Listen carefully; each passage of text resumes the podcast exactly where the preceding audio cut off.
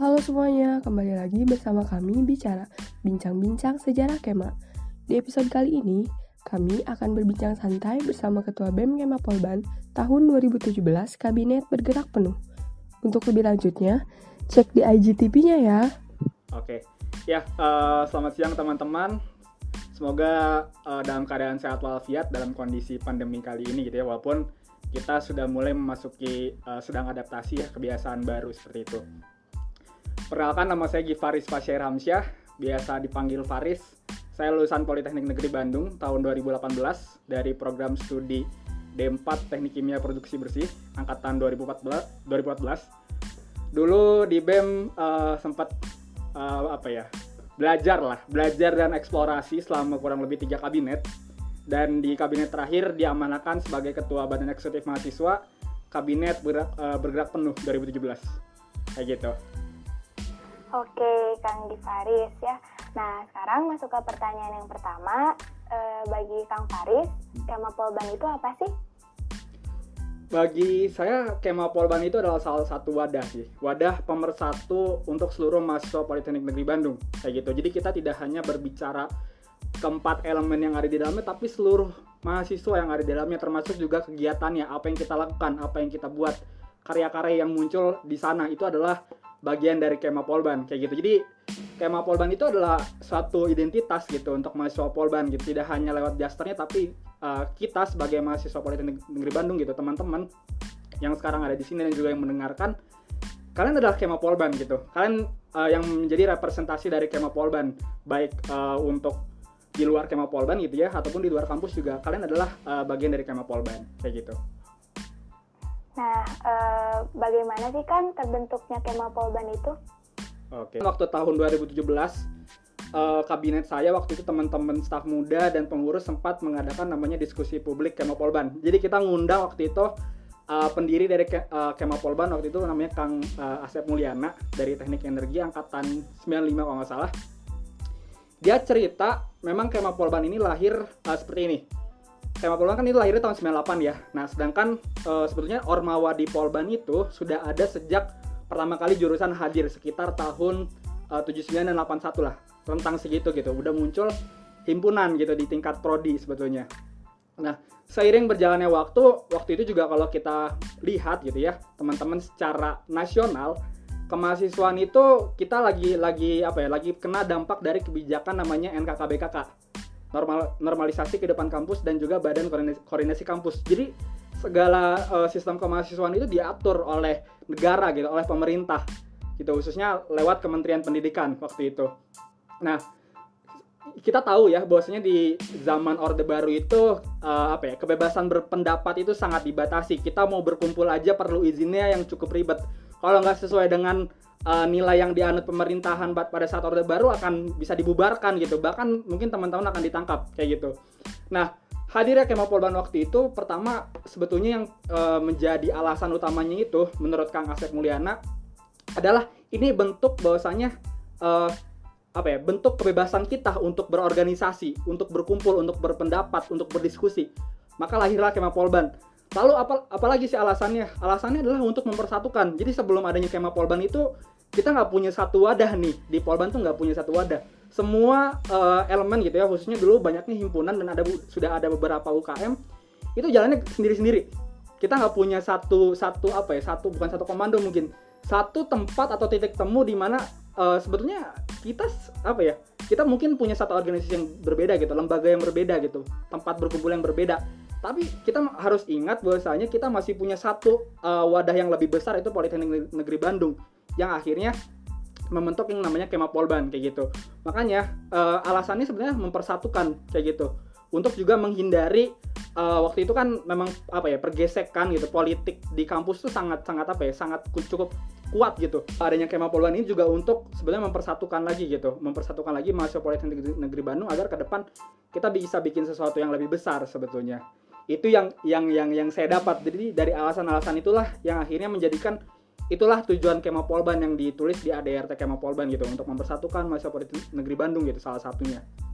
Seperti itu Tami. Nah e, balik lagi tadi ke yang mengenai bagaimana terbentuknya kema Polban. Nah, berarti kan kalau misalkan saya runcingin lagi pertanyaan mengenai tujuan dibentuknya kema Polban, berarti tujuannya itu bisa dibilang untuk mempersatukan eh, elemen-elemen yang ada di Polban begitu kan? Iya betul, bukan hanya elemen tapi seluruh mahasiswa kayak gitu. Jadi kita jangan membatasi elemen saja tapi seluruh mahasiswa gitu karena kan pada pada praktiknya tidak semuanya misalnya terlibat di organisasi yang menjadi elemen kema polban tapi ada yang memang uh, mungkin fokus untuk uh, di akademiknya ataupun fokusnya di di luar kampus gitu ya ikut komunitas dan sebagainya itu juga uh, diwadahi oleh kema polban dan juga disatukan kayak gitu baik kang kalau begitu menurut akang apa saja sih kang perbedaan antara kema polban dahulu saat awal periode pembentukan uh, pada periode Akang dengan uh, kema yang sekarang. Oke. Sebetulnya secara secara di praktik di lapangan ternyata tidak ada tidak ada perubahan sih. Terakhir uh, terakhir saya di kampus sebetulnya bisa kita lihat sekarang kegiatan kemahasiswaan itu semakin apa ya semakin banyak lah gitu dulu mungkin hanya ada himpunan ada UKM sekarang sebenarnya di Polban juga sudah banyak mulai ada komunitas gitu yang menawarkan uh, apa ya wadah yang lain gitu wadah kegiatan yang lain karena orang-orang yang masuk polban kan tentunya pasti punya punya karakter yang beda, punya uh, hobi yang beda, minat yang beda. Akhirnya dari dari situ ternyata muncul juga nih uh, komunitas dan sebagainya. Yang saya lihat uh, hari ini sebetulnya apa ya masalahnya tetap sama gitu kan masalah yang dihadapi tantangannya seperti apa. Tapi mungkin hari ini yang yang yang jadi beda adalah teknologi misalnya gitu ya perubahan gaya hidup itu semakin semakin dinamis dan akhirnya mempengaruhi juga kegiatan kemahasiswaan kayak gitu termasuk uh, seperti saat sekarang pandemi ini gitu. Kita kalau bicara pandemi ternyata tidak hanya apa ya di sektor bisnis gitu tapi di sektor pendidikan pun akhirnya ternyata uh, membuat pergeseran gitu membuat satu perubahan. Termasuk juga di kampus tidak hanya kegiatan akademiknya akhirnya kegiatan kemahasiswaan pun kita perlu nih ternyata untuk uh, melihat lagi nih peluang yang lain cara-cara baru gitu yang muncul uh, untuk apa? Untuk memanfaatkan teknologi dan juga kita bisa apa ya menghadapi kondisi yang mungkin nggak pernah nggak pernah disangka-sangka gitu ataupun nggak pernah diprediksi sebetulnya. Kayak gitu sih yang yang saya lihat saat ini. Sebetulnya tidak tidak banyak kalau kita membandingkannya dengan 2017 nggak terlalu banyak perbedaan sih kayak gitu. Baik kang. Kalau begitu uh, saran dari akang untuk kema polban yang sekarang bagaimana sih kan uh, karena apa ya sekarang kan Kama Polban itu sedang menjalankan proker dan pergerakan, apalagi di, ma di masa pandemi seperti ini. Ada saran nggak Kang dari Akang? Uh, untuk sarannya adalah kayak gini. Uh, tanpa pandemi pun sebetulnya ada satu hal yang yang perlu dibangun sih, mindset yang dibangun oleh teman-teman Kema Polban gitu ya. Seluruh mahasiswa tidak uh, ke depan dalam apa ya kegiatan organisasi atau kegiatan keilmuan lainnya kayak gitu. Pertama adalah teman-teman harus harus punya mindset uh, adalah perubahan itu pasti gitu. Perubahan itu pasti terjadi. Orang-orang yang akan ada di Polban itu akan apa ya akan beda-beda. Tiap tahunnya kita kedatangan mahasiswa baru dari berbagai daerah dari berbagai suku dari berbagai karakter dan juga dari berbagai jenis potensi yang dimiliki kayak gitu. Itu kita perlu tahu bagaimana cara untuk memaksimalkannya kayak gitu. Nah yang perlu teman-teman Kema Polban lakukan adalah ke depan jangan apa ya jangan bertahan pada satu cara yang sama gitu. Misal gini uh, tahun ini kita sudah uh, berhasil mengadakan satu proker dengan cara misalnya mengadakan uh, seminarnya offline misalnya kayak gitu. Nah sebetulnya yang yang harus dibangun mindset ke depan adalah pertama kita nggak boleh nggak boleh puas gitu. Tahun-tahun misalnya tahun sebelumnya berhasil mencapai peserta uh, 100 orang. Berarti tahun depan cobalah dinaikkan gitu 120 150 pertama itu jadi mindsetnya adalah jangan jangan jangan cepat puas gitu. Kalau Steve Jobs bilang stay foolish stay hungry gitu. Jadi jangan pernah puas coba explore lagi hal-hal baru. Kedua adalah kalau misalnya ada satu broker yang misalnya stuck gitu uh, capaiannya tidak maksimal berarti yang harus dipikirkan apa? Cobalah cara-cara yang lain gitu. Misal hari ini ternyata seminar offline uh, terlalu mahal misalnya. Oh cobalah seminar online itu yang harus dibangun gitu karena mungkin dengan dengan cara lain costnya lebih lebih murah gitu ya. Lalu juga bisa mengumpulkan orang tepat waktu misalnya ataupun bahkan mungkin lebih banyak. Kayak gitu. Nah hal-hal seperti itu harus harus dipertimbangkan kan dipertimbangkan itu. Khususnya kita uh, apa ya di kampus gitu ya.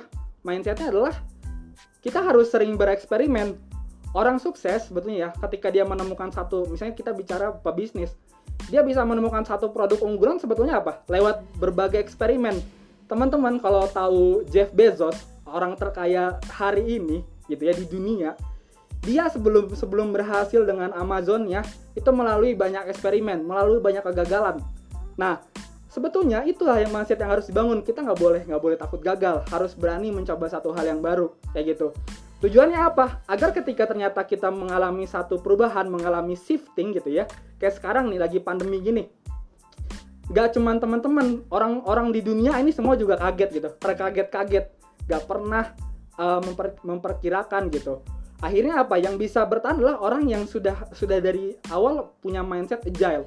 Orangnya nggak nggak apa ya nggak menolak adanya perubahan kayak gitu. Nggak menolak adanya perubahan dan selalu mencoba hal yang baru gitu nggak pernah puas kayak gitu. Jadi hari ini yang harus dibangun adalah cobalah menjadi eh, agile adaptif lah terhadap perubahan gitu. Karena perubahan itu pasti gitu nggak cuman karena pandemik gitu dulu kita uh, apa ya komunikasi mungkin pakai Facebook sekarang udah ada uh, Twitter terus pindah lagi orang-orang ke Instagram bahkan sekarang yang lagi terkenal kan TikTok kayak gitu Nah itu kayak hal-hal gitu teman-teman harus harus tahu gitu trennya seperti apa gitu. Misal ya ke depan mungkin mau uh, promosi tidak hanya pakai Instagram tapi pakai TikTok misalnya. Itu uh, suatu hal yang tidak apa ya, yang bisa dilakukan gitu, bisa dicoba. Kenapa enggak gitu? Karena kita kan belum belum tahu gitu. Kalau sulit ya nggak apa-apa, coba aja dulu gitu. Memang hal itu ter, hal itu sulit tapi kita bisa gitu sebetulnya. Jadi mindsetnya harus harus dibangun, harus diubah nih, kayak gitu. Harus cepat menghadap, merespon adanya perubahan, kayak gitu. Siap, Kang Faris. Terima kasih atas saran mengenai harus siap mengenai perubahannya, hmm. Kang. E, kalau boleh tahu, kan saat apa ya, ketika kepengurusan Akang nih di BEM, hmm. boleh tahu nggak sih, Kang, e, cerita kema yang paling menarik nih pada tahun 2017 apa ya, Kang? Waktu 2017 itu uh, kegiatan apa ya, olahraga terbesar gitu kompetisi olahraga terbesar dan olahraga dan seni terbesar di Polban yang sebelumnya namanya Porseni terus di tahun saya coba diubah namanya gitu ya kita pengen membranding tuh namanya Olimpiade Seni dan Olahraga atau disingkat Sega waktu itu uh, tidak berhasil dilaksanakan gitu karena ada ada perbedaan persepsi kayak gitu antara antara manajemen dengan uh, kami dari BEM dan juga uh, umumnya skema Polban kayak gitu. Tapi itu suatu hal yang apa ya ya itulah memang uh, tantangannya di kampus kita apa ya bandel-bandel sedikit beda pendapat itu ya nggak masalah gitu karena memang di situlah kita uh, mengeluarkan pandangan.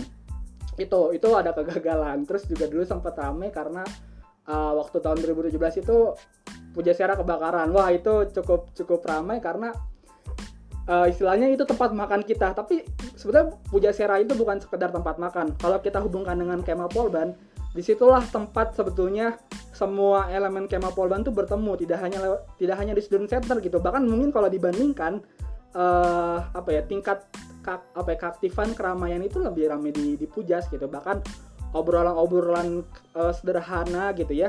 Membahas tentang gimana nih kegiatan ke depan dan sebagainya. Itu sering juga dilakukan di Pujasera kayak gitu. Akhirnya jadi cukup ramai karena mungkin kehilangan tempat sebetulnya. Kehilangan tempat kita bisa berkumpul bisa saling uh, ngobrol dan sebagainya gitu. Itu jadi satu satu apa ya masalah yang cukup ramai sih waktu itu.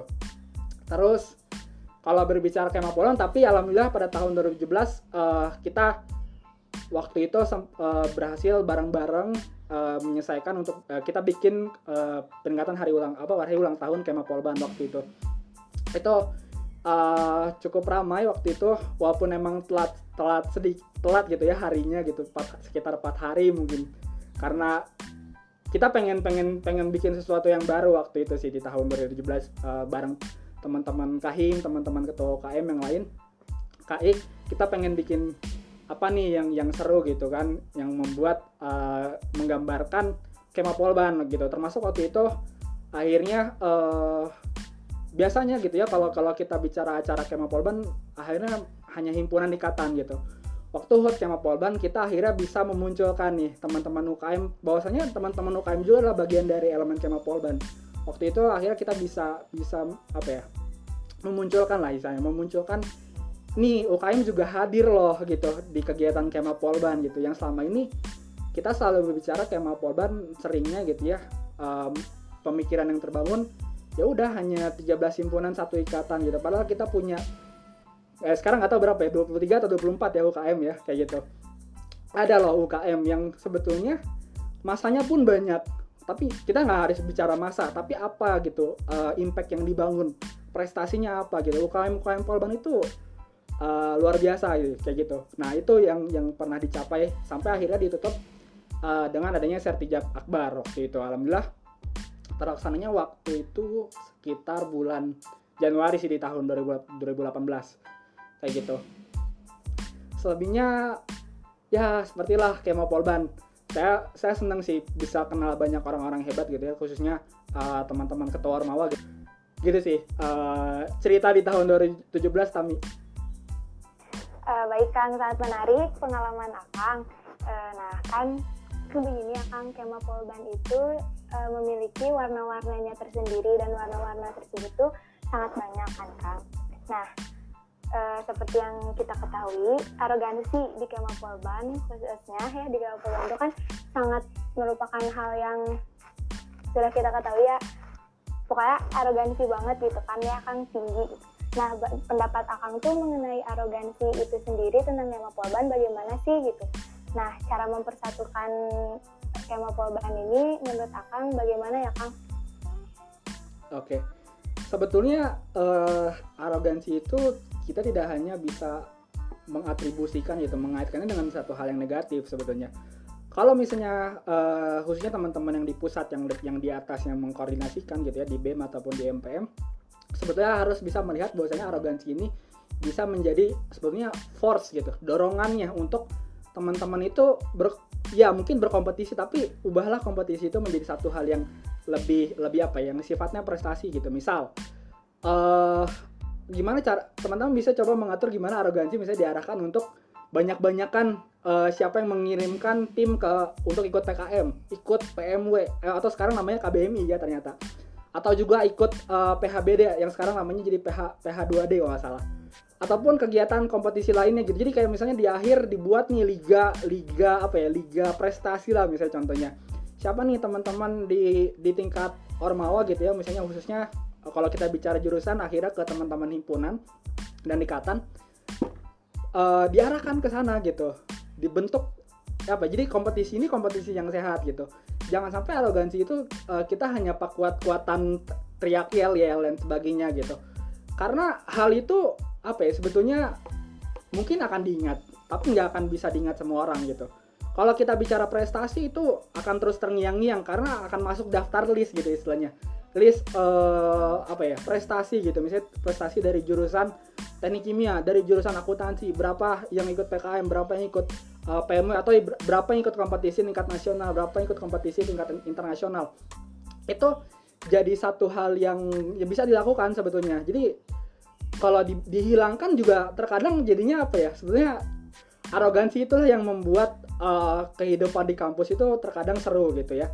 Jadi dinamisnya tuh dapat di kampus gitu. Kalau di apa ya kalau terlalu pasif gitu terlalu stagnan juga akhirnya teman-teman mau belajar dari mana gitu ketika ber, berorganisasi kayak gitu. Jadi sebetulnya uh, apa ya yang harus dihilangkan tuh adalah arogansinya yang ke negatif kayak gitu. Tapi jangan-jangan dihilangkan sebetulnya arahkanlah gitu. Teman-teman yang di atas arahkan nih. Coba uh, ya tadi arahkannya misalnya ke bidang kompetisi gitu. Atau misalnya tidak hanya keilmuan tapi misalnya olahraganya kayak gitu seninya kayak gitu. Contoh-contoh atau pak bagus-bagus uh, apa namanya proker misalnya nih saya seminar di apa jurusan energi misalnya teknik energi bisa ngundang 100 orang gitu pembicaranya tingkat nasional gitu. Nah kalian bisa apa? Nah kayak gitu gitu harusnya di di apa ya dibalutnya tuh dalam satu hal yang yang apa ya positif gitu. Khususnya mengaitkan dengan keilmuan. Baik kang. Terima kasih. Pertanyaan selanjutnya kang. Uh, kan tadi akan cerita mengenai uh, ketika akan merubah nama uh, suatu kegiatan itu menjadi Warsani nah hmm. setelah di, dari situ tuh membuat saya berpikir gitu kang hmm. selama ini nih kami sebagai mahasiswa tuh kadang ragu ketika kami memiliki inovasi namun entah mengapa ketika bagian mengeksekusinya kami tuh merasa kesulitan gitu padahal inovasi kami bisa dibilang sudah matang hmm. nah kalau dari akang sendiri bagaimana sih kan cara menanggapi sikap yang kadang uh, membuat kita tuh aduh bagaimana nih uh, kami ragu untuk mengeksekusinya seperti itu kang. Oke. Okay. uh, memang ketika apalagi teman-teman mungkinnya sebagai sebagai seorang uh, yang baru masuk ke organisasi tersebut gitu ya teman-teman perlu perlu tahu seperti apa nih organisasinya budayanya cara kerjanya cara berjalannya. Karena bahkan satu organisasi dengan organisasi lain punya nilai yang beda di organisasi misalnya di BEM gitu ya tiap kabinetnya pun pasti punya nilai yang berbeda cara kerja yang berbeda. Sebetulnya ketika kita membuat perubahan memang tidak mudah kayak gitu. Pertama adalah uh, teman-teman dari diri sendiri dulu seperti yang dimulai. Teman-teman yakini dulu bahwasanya apa yang teman-teman akan buat gitu inovasi yang ingin diajukan itu teman-teman memang sudah yakin gitu. Yakinkan dulu diri sendiri bahwasanya ini bagus gitu kemudian apalagi yang harus harus teman-teman lakukan? Kuat eh, apa maksudnya perkuat lagi dengan data-data gitu. Teman-teman misalnya bisa coba untuk benchmark gitu atau mencontoh kampus lain. Ini uh, di kampus lain misalnya kegiatannya seperti ini gitu. Peser caranya begini caranya misalnya membuat apa uh, dampaknya seperti ini gitu. Ini kayaknya relevan deh untuk dilakukan. Nah ketika mengajukan inovasi teman-teman jangan sampai uh, apa ya murni hasil pemikiran sendiri juga gitu perkuat data dengan uh, mencontoh ataupun juga teman-teman misalnya membuat kuesioner kayak gitu. Teman-teman juga perlu kan kita ketika buat proker tuh yang yang harus ditanam adalah kita harus berempati dulu dengan dengan target kita segmen segmen siapa yang kita kejar gitu kegiatan ini buat siapa kayak gitu. Nah itu bisa dilakukan dengan teman-teman. Pertama bisa teman-teman buat kuesioner tanyakan langsung atau bahkan teman-teman coba merasakan menjadi orangnya gitu. Misalnya teman-teman membuat kegiatan seminar tentang uh, desa gitu. Nah coba teman-teman rasakan sebagai uh, misalnya kadif sasmanya himpunan apa gitu. Teman-teman lihat dulu tuh biasanya mereka ketika mau buat kegiatan apa tantangannya? Entah musi, uh, misalnya memilih desanya bingung atau mungkin bingungnya adalah ketika uh, dosen ini siapa ya yang cocok gitu atau teknologi apa sih yang dibutuhkan saya nggak nggak tahu. Nah teman-teman harus harus bisa sampai sejauh sana. Nah itu dua kayak gitu. Setelah itu memang ketika teman-teman buat buat perubahan itu akan lebih cepat ketika teman-teman berkolaborasi juga kayak gitu. Dengan uh, orang lain gitu. Jadi cari cari apa ya? Cari pendukung lah kayak gitu. Karena kalau teman-teman sendiri akan akan sangat sulit kayak gitu. Karena uh, saya juga pernah ngerasain ya ketika ketika buat perubahan. Sebenarnya ketika tahun 2017 itu ketika saya diamanakan gitu ya bareng Baharna Irianta dia dari teknik sipil 2015 itu kita buat banyak perubahan gitu. Bahkan ketika ketika kita coba mengenalkan kabinet saja di internal itu itu banyak banyak apa ya banyak pro kontranya gitu. Ada yang ada yang sentimennya positif ada juga yang negatif gitu. Tapi pada akhirnya kita mendengarkan kok. Kita mendengarkan uh, apa ya kritikan saran kayak gitu. Tapi tetap akhirnya uh, kita punya punya pegangannya oh ini belum dicoba gitu. Memang sulit tapi ini bisa kok gitu. Coba lihat dulu aja kayak gitu. Coba lihat dulu yang yang ingin kita bangun. Karena apa? Karena yang pengen saya buat di kabinet saya adalah bukan hanya saya saja gitu yang yang pengen buat inovasi tapi nanti pengurus saya, uh, staf muda saya, ketika dia ingin ingin membuat sesuatu yang baru, silakan kayak gitu. Saya akan selalu mempersilahkan kayak gitu. Bahkan sangat seneng gitu ketika ada sesuatu yang baru gitu. Karena pasti ketika berjalan satu organisasi gitu satu periode mungkin ada kekosongan gitu atau ada kejenuhan. Perlu hal-hal baru gitu biar uh, lebih semangat gitu. Kadang-kadang orang kalau ada yang baru tuh ada juga yang semangat gitu semangat banget gitu excited banget. Nah tugasnya yang di atas ya menjaga semangatnya kan kayak gitu. Jadi adalah pertama yakin dulu gitu. Karena kalau nggak yakin akhirnya orang yang mengkritik kalian juga jadi ikutan makin makin gak yakin gitu nggak percaya dengan inovasi yang dibuat gitu. Jadi yakin dulu jalankan. Tapi ketika tidak berhasil teman-teman juga harus terbuka gitu dengan dengan apa ya dengan evaluasiannya dengan koreksiannya. Agar apa? Agar misalnya nanti ada yang mau melanjutkan ada yang mau memperbaiki dia uh, udah tahu nih kendalanya apa kayak gitu. Terus kedua adalah perkuat data gitu. Karena hari ini tentu orang-orang akan percaya inovasi itu bisa dilaksanakan karena dia punya contoh, punya bukti kayak gitu kan. Ada evidence-nya gitu. Jadi lebih yakin gitu kalau kita ngeliat sesuatu. Kayak kita beli barang gitu ya. kayak sekarang mungkin orang belum banyak yang uh, berani belanja online online tuh karena apa? Karena misalnya mau beli baju ukurannya nggak uh, kegedean kekecilan gitu ya. Atau misalnya mau beli ses, uh, barang warnanya merah ternyata tiba-tiba merahnya jadi uh, terlalu muda misalnya. Nah itu memang memang ada apa ya? Memang ada pemikiran orang-orang uh, tuh perlu perlu bukti gitu. Itu itu hal yang wajar gitu. Itu hal yang wajar. Jadi gimana caranya? Pertama yakin dulu sebetulnya. Kayak gitu. Yakin aja dulu. Cukup. Baik Kang, terima kasih atas saran dan masukannya. Masuk ke pertanyaan yang paling terakhir nih Kang. Uh, ada nggak sih Kang pesan-pesan untuk mahasiswa uh, yang sekarang dari Akang? Uh, pesan untuk mahasiswa, mahasiswa sekarang adalah uh, tadi sebenarnya sudah di, uh, sempat disebutkan sih teman-teman jadikanlah kampus sebagai tempat teman-teman mencari uh, apa ya mencari jadi tem jadi diri teman-teman mencari satu nilai. Kayak gitu. Jadi memang memang kita perlu mengejar mengejar nilai yang baik mengejar IP yang baik. Tapi teman-teman juga perlu untuk membangun diri gitu. Kalau biasanya selalu disebutkan di kampus itu soft skill. Bener gitu. Karena memang pada akhirnya gini tadi kita banyak bicara saya bilang selalu bilang perubahan itu pasti. Nah gimana sih caranya kita membangun perubahan ya kita membiasakan diri di kampus itu melakukan perubahan gitu atau ketika ada perubahan kita harus bisa membiasakan diri adaptif. Nah, ini satu hal yang yang perlu dibangun sih uh, dari di kampus gitu. Membiasakan diri menghadapi perubahan gitu. Jadi caranya apa? Buatlah inovasi baru ketika diamanahkan megang satu kegiatan uh, ada yang kurang baik gitu, kurang tepat, cobalah cara-cara baru kayak gitu. Karena pada akhirnya ketika sudah biasa pada hal tersebut, nanti ketika teman-teman kerja, nanti teman-teman bisa kuliah lagi, ataupun berbisnis gitu ya teman-teman akan terbiasa gitu ketika ada perubahan-perubahan teman-teman udah tahu nih oh step saya selanjutnya ini terus ini kayak gitu. Itu jadi terbiasa jadi manfaatkanlah gitu karena di kampus lah teman-teman apa ya dapat support yang yang yang banyak gitu menurut saya. Legitimasi sebagai seorang mahasiswa itu mahal banget teman-teman gitu. Selain faktanya memang tidak banyak orang yang kuliah gitu ya. Belum semua orang bisa bisa kuliah. Pada nyatanya memang kampus itu satu wadah yang super inilah gitu. Teman-teman bebas mau berdiskusi tentang apa aja boleh sebetulnya. Terus uh, teman-teman mau belajar bisnis teman-teman mau belajar uh, membangun desa teman-teman mau apalagi ya banyaklah kompetisi gitu.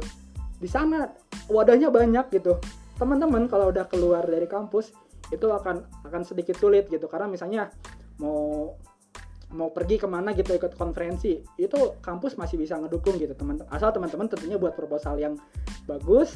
Teman-teman juga bisa meyakinkan kampus oh saya memang layak gitu untuk diberangkatkan dan untuk belajar ke sana. Nah jadi teman-teman intinya adalah apa ya belajarlah gitu. Di kampus tuh belajarlah tapi tidak hanya belajar di dalam kelas tapi teman-teman belajar juga di luar kelas gitu. Belajar sama sapam belajar sama pedagang pujas belajar sama uh, tendik belajar sama mungkin tim hijau gitu ngobrol lah kayak gitu. Belajar sama semua orang yang ada uh, misalnya penduduk Ciwaruga gitu penduduk Sari Jadi ngobrol lah kayak gitu.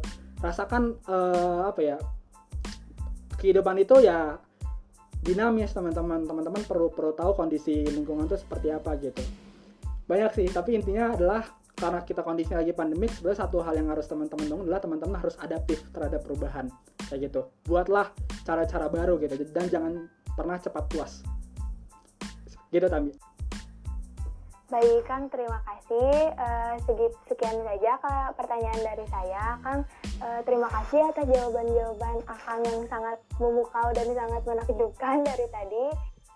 Sampai sini, banyak banget pelajaran yang bisa diambil dari setiap obrolan-obrolan santai bersama Kang Giparis sebagai Ketua BEM Kema Polban tahun 2017. Sekian dulu di episode kedua podcast Bicara Bincang-Bincang Sejarah Kema. Sampai ketemu di episode selanjutnya yang pastinya akan lebih seru dari sebelum-sebelumnya. Jangan lupa dicek ya.